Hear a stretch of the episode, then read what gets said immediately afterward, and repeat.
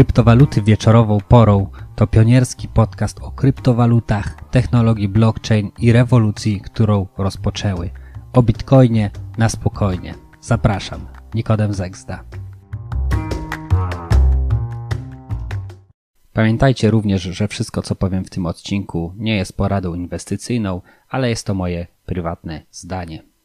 Witajcie w kolejnym odcinku podcastu Kryptowaluty wieczorową porą. Dzisiaj mamy 31 lipca 2021 roku. Cena bitcoina to 41 767 dolarów i jest na ponad 8% plusie w ciągu ostatnich 24 godzin. Ethereum 2463 dolary i ponad 5% na plus, jeśli chodzi o ostatnie 24 godziny. Tether dalej po dolarze, chociaż delikatnie spadł o 0,05%. Binance Coin 323 dolary i ponad 4% wzrosty i Cardano dolar 31 i około 4% wzrostów. E, wzrosty są, wygląda to pozytywnie, ale wiadomości, które przychodzą ze Stanów Zjednoczonych nie są zbyt wesołe i optymistyczne dla kryptowalut i tak naprawdę mogą ten rynek dość mocno pogrążyć, jeżeli przejdą w takiej, e, w takiej formule, jaka jest proponowana. Niejaki Jake Czerwiński, który jest prawnikiem, e, widzę, że siedzi mocno w rynku krypto, e, pisze, wyjaśnia dokładnie, jak ma zadziałać nowy, nowe prawo, nowa ustawa, jaka jest propozycja. I dodano nowy przepis w tej propozycji, który rozszerza definicję brokera w kontekście podatkowym aby uchwycić prawie wszystkich w kryptowalutach, w tym podmioty nie będące powiernikami, tak zwany non-custodial actors, takich jak właśnie górnicy, e, zmuszając ich do korzystania z KYC. KYC to jest Know Your Customer, czyli tak naprawdę chodzi o to, że dostawcy tego typu usług będą musieli znać swoich klientów i mieć te informacje zebrane, aby je przekazać do odpowiednich e, urzędów, odpowiednich władz. No i generalnie wątek jest tutaj na Twitterze, podlinkuję. Oczywiście dodam link do opisu tego podcastu. E, tak jak wspomniałem wcześniej, projekt ustawy rozszerza definicję brokera o każdą osobę, która odpłatnie jest odpowiedzialna za i regularnie świadczy usługi polegające na transferze zasobów cyfrowych. No i tam wcześniejsze wersje robocze mówiły e, o tym, że nawet jeśli nie są powiernicze, czyli non-custodial, e, czyli wyraźnie obejmowały rynki DEX, czyli zdecentralizowanych e, exchanges, tak, czyli giełd, no i różnych rozwiązań peer-to-peer. Mm, idąc dalej, mm, to oznacza, że tak naprawdę ma to zastosowanie do praktycznie każdego podmiotu w amerykańskiej branży kryptograficznej, Obejmuje to również górników Proof of Work, jak i walidatorów Proof of Stake, ponieważ świadczenie usługi w celu dokonania płatnych transferów zasobów cyfrowych wydaje się pasować po prostu do obu, czyli zarówno protokoły, które kopią e, właśnie mm, tak jak Bitcoin na przykład, czy jeszcze Ethereum, czy inne e, kryptowaluty, które są kopane jako proof of work, e, będą podlegały temu prawu, czyli każdy górnik tak naprawdę powinien wiedzieć, kto jest jakby jego klientem, co jest oczywiście absurdalne i właściwie niemożliwe do zrobienia. E, I to dotyczy również walidatorów proof of stake, czyli każdy operator pula tak naprawdę, tak jak na przykład w Cardano, e, musi znać swoich klientów, tak? Czyli też jest to właściwie no, bardzo ciężkie albo, albo, albo niemożliwe do osiągnięcia. E, idąc dalej i tłumacząc tego tweeta Jake'a, to może również obejmować ogromną liczbę uczestników rynku DeFi, takich jak DEXy, czyli zdecentralizowane właśnie giełdy, LPs, czyli Liquid Providers, tak?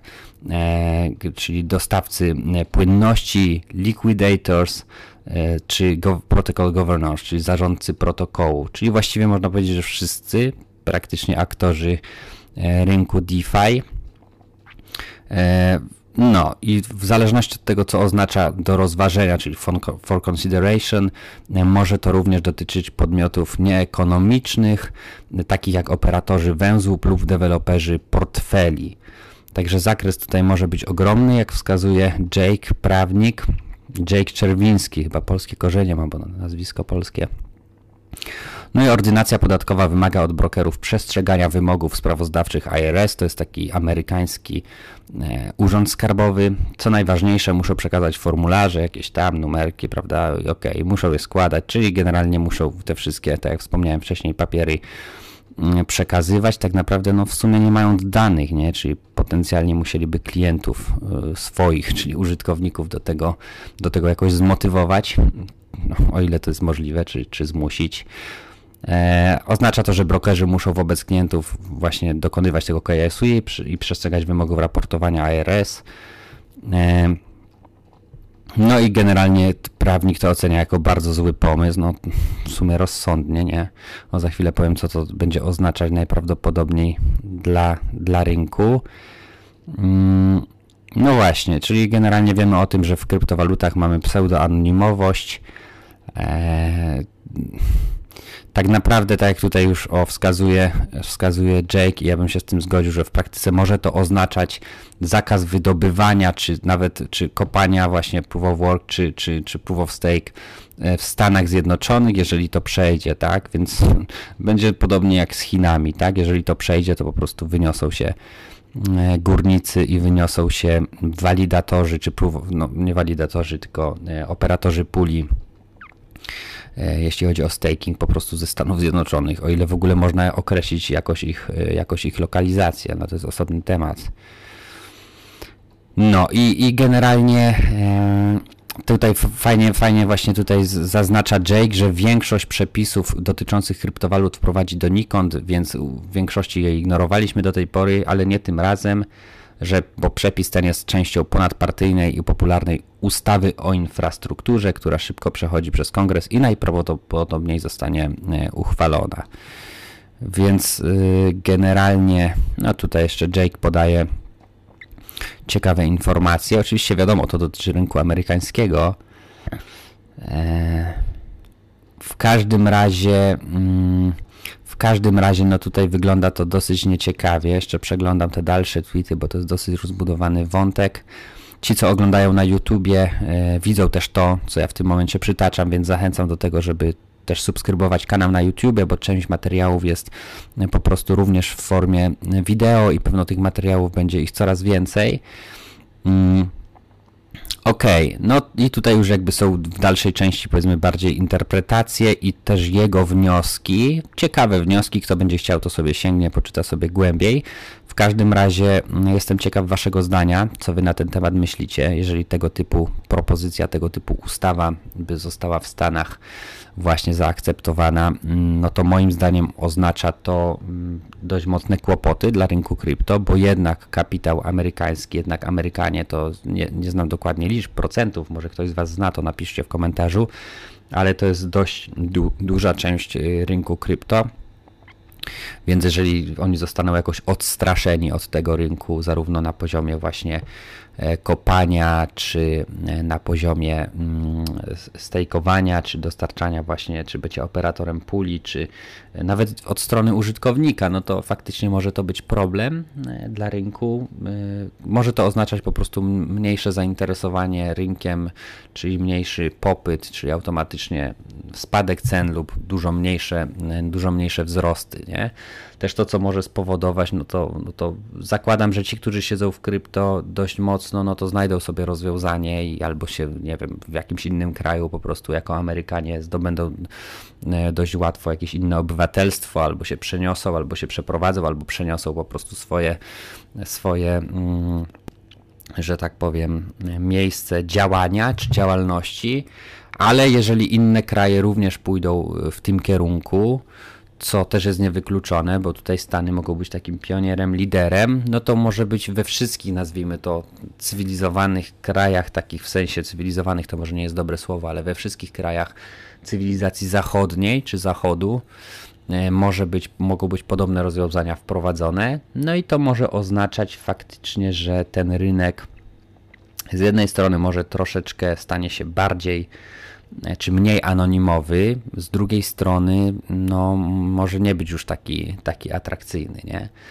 Także czy widzę plusy jakiejś tej sytuacji? No w takiej formie, jeżeli to przejdzie, to, to, to, to będzie naprawdę dużo pracy, żeby dostosować się do właśnie przepisów, e, żeby spowodować, żeby jednak ci e, uczestnicy rynku wszędzie się również z deksami, nie? Dzisiaj wystarczy użyć Metamaska, czy jakiegoś Kepler, czy innego e, programu, za chwilę Yoroi Wallet, tak? Na Cardano. Wystarczy tego użyć, żeby żeby po prostu y, gdzieś tam y, dokonywać operacji, jeżeli za każdym razem musielibyśmy się gdzieś tam logować, KYC przeprowadzać i tak dalej, jeżeli to wszystko zostanie opodatkowane, no to mm, jakby nie jestem przeciwnikiem płacenia podatków. Ogólnie uważam, że podatki należy płacić, jakieś tam mm, rozsądne podatki są ok, nie? Tylko żeby się nie okazało, że po prostu to jakoś nam ten rynek bardzo mocno osłabi. I to trzeba mieć na uwadze. E, to trzeba mieć na uwadze również w kontekście przyszłości. On tutaj pisze, Jake pisze, że zanim to wejdzie, to do 2023 roku jakby jest czas i apeluję, żeby pisać do senatorów, żeby tam dyskutować, żeby Stany nie dały się tak jakby tutaj wyautować z tej gry, bo w momencie, kiedy wprowadzą tego typu zasady, to tak naprawdę oznacza, że ten rynek w Stanach przestanie istnieć, to będzie jednocześnie szansa dla innych krajów, oczywiście. Zakładam, że będzie mnóstwo krajów, które po prostu będą podchodzić bardzo, tak nazwijmy to, lightowo do tego rynku, e, zakładając, że po prostu nie muszą wszystkiego i za każdą cenę wszędzie opodatkowywać, tylko po prostu na przykład w momencie wyjścia do waluty fiducjarnej albo, albo jeszcze jakoś inaczej. No, zobaczymy, w jakim to kierunku pójdzie. Zakładam, że globalnego nie będzie konsensusu w tym zakresie że, że jednak jakieś kraje znajdą swoje jakieś inne rozwiązania i być może właśnie na tym wygrają, nie? bo cały rynek może się tam wtedy przenieść, w sensie uczestnicy rynku. Natomiast no, może to być cios, więc bądźmy, bądźmy tutaj uważni, bądźmy czujni. Myślę, że warto śledzić akurat te informacje, bo one mają wpływ na cały rynek.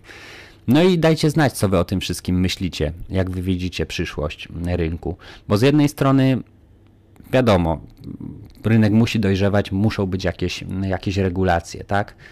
Z drugiej strony część osób chciałaby, żeby nie było żadnych regulacji, żeby to nadal było gdzieś tam właśnie w zakresie powiedzmy e, tego, tego pseudo-anonimowości, e, takiego, takiego powiedzmy bardziej szarego, szarego rynku. E, I to też jest zrozumiałe, bo część osób się do tego przyzwyczaiła, zresztą po to powstały kryptowaluty, nie? Po to powstał Bitcoin, żeby to wszystko było gdzieś tam właśnie bez pośredników, nie? I peer-to-peer, -peer, i żeby to wyeliminować tego, tego middlemana, czyli tego pośrednika wspomnianego wcześniej. Natomiast no, rynek musi jakoś dojrzewać, więc jakieś, jakieś tutaj rozwiązania, jakieś opodatkowania to, to powinny się pewno pojawiać. I zobaczymy, w jakim to kierunku pójdzie. Tak, myślę, że trzeba być czujnym, trzeba obserwować i po prostu Zobaczymy, w jakim to kierunku pójdzie, bo być może trzeba będzie się ewakuować z tego rynku na jakiś inny, na jakiś inny rynek, na jakieś inne aktywa. Być może trzeba będzie mm, właśnie zdywersyfikować się mocniej. No ale to czas pokaże, zobaczymy. Dzięki Wam za wysłuchanie i do usłyszenia w kolejnym odcinku. Trzymajcie się, cześć.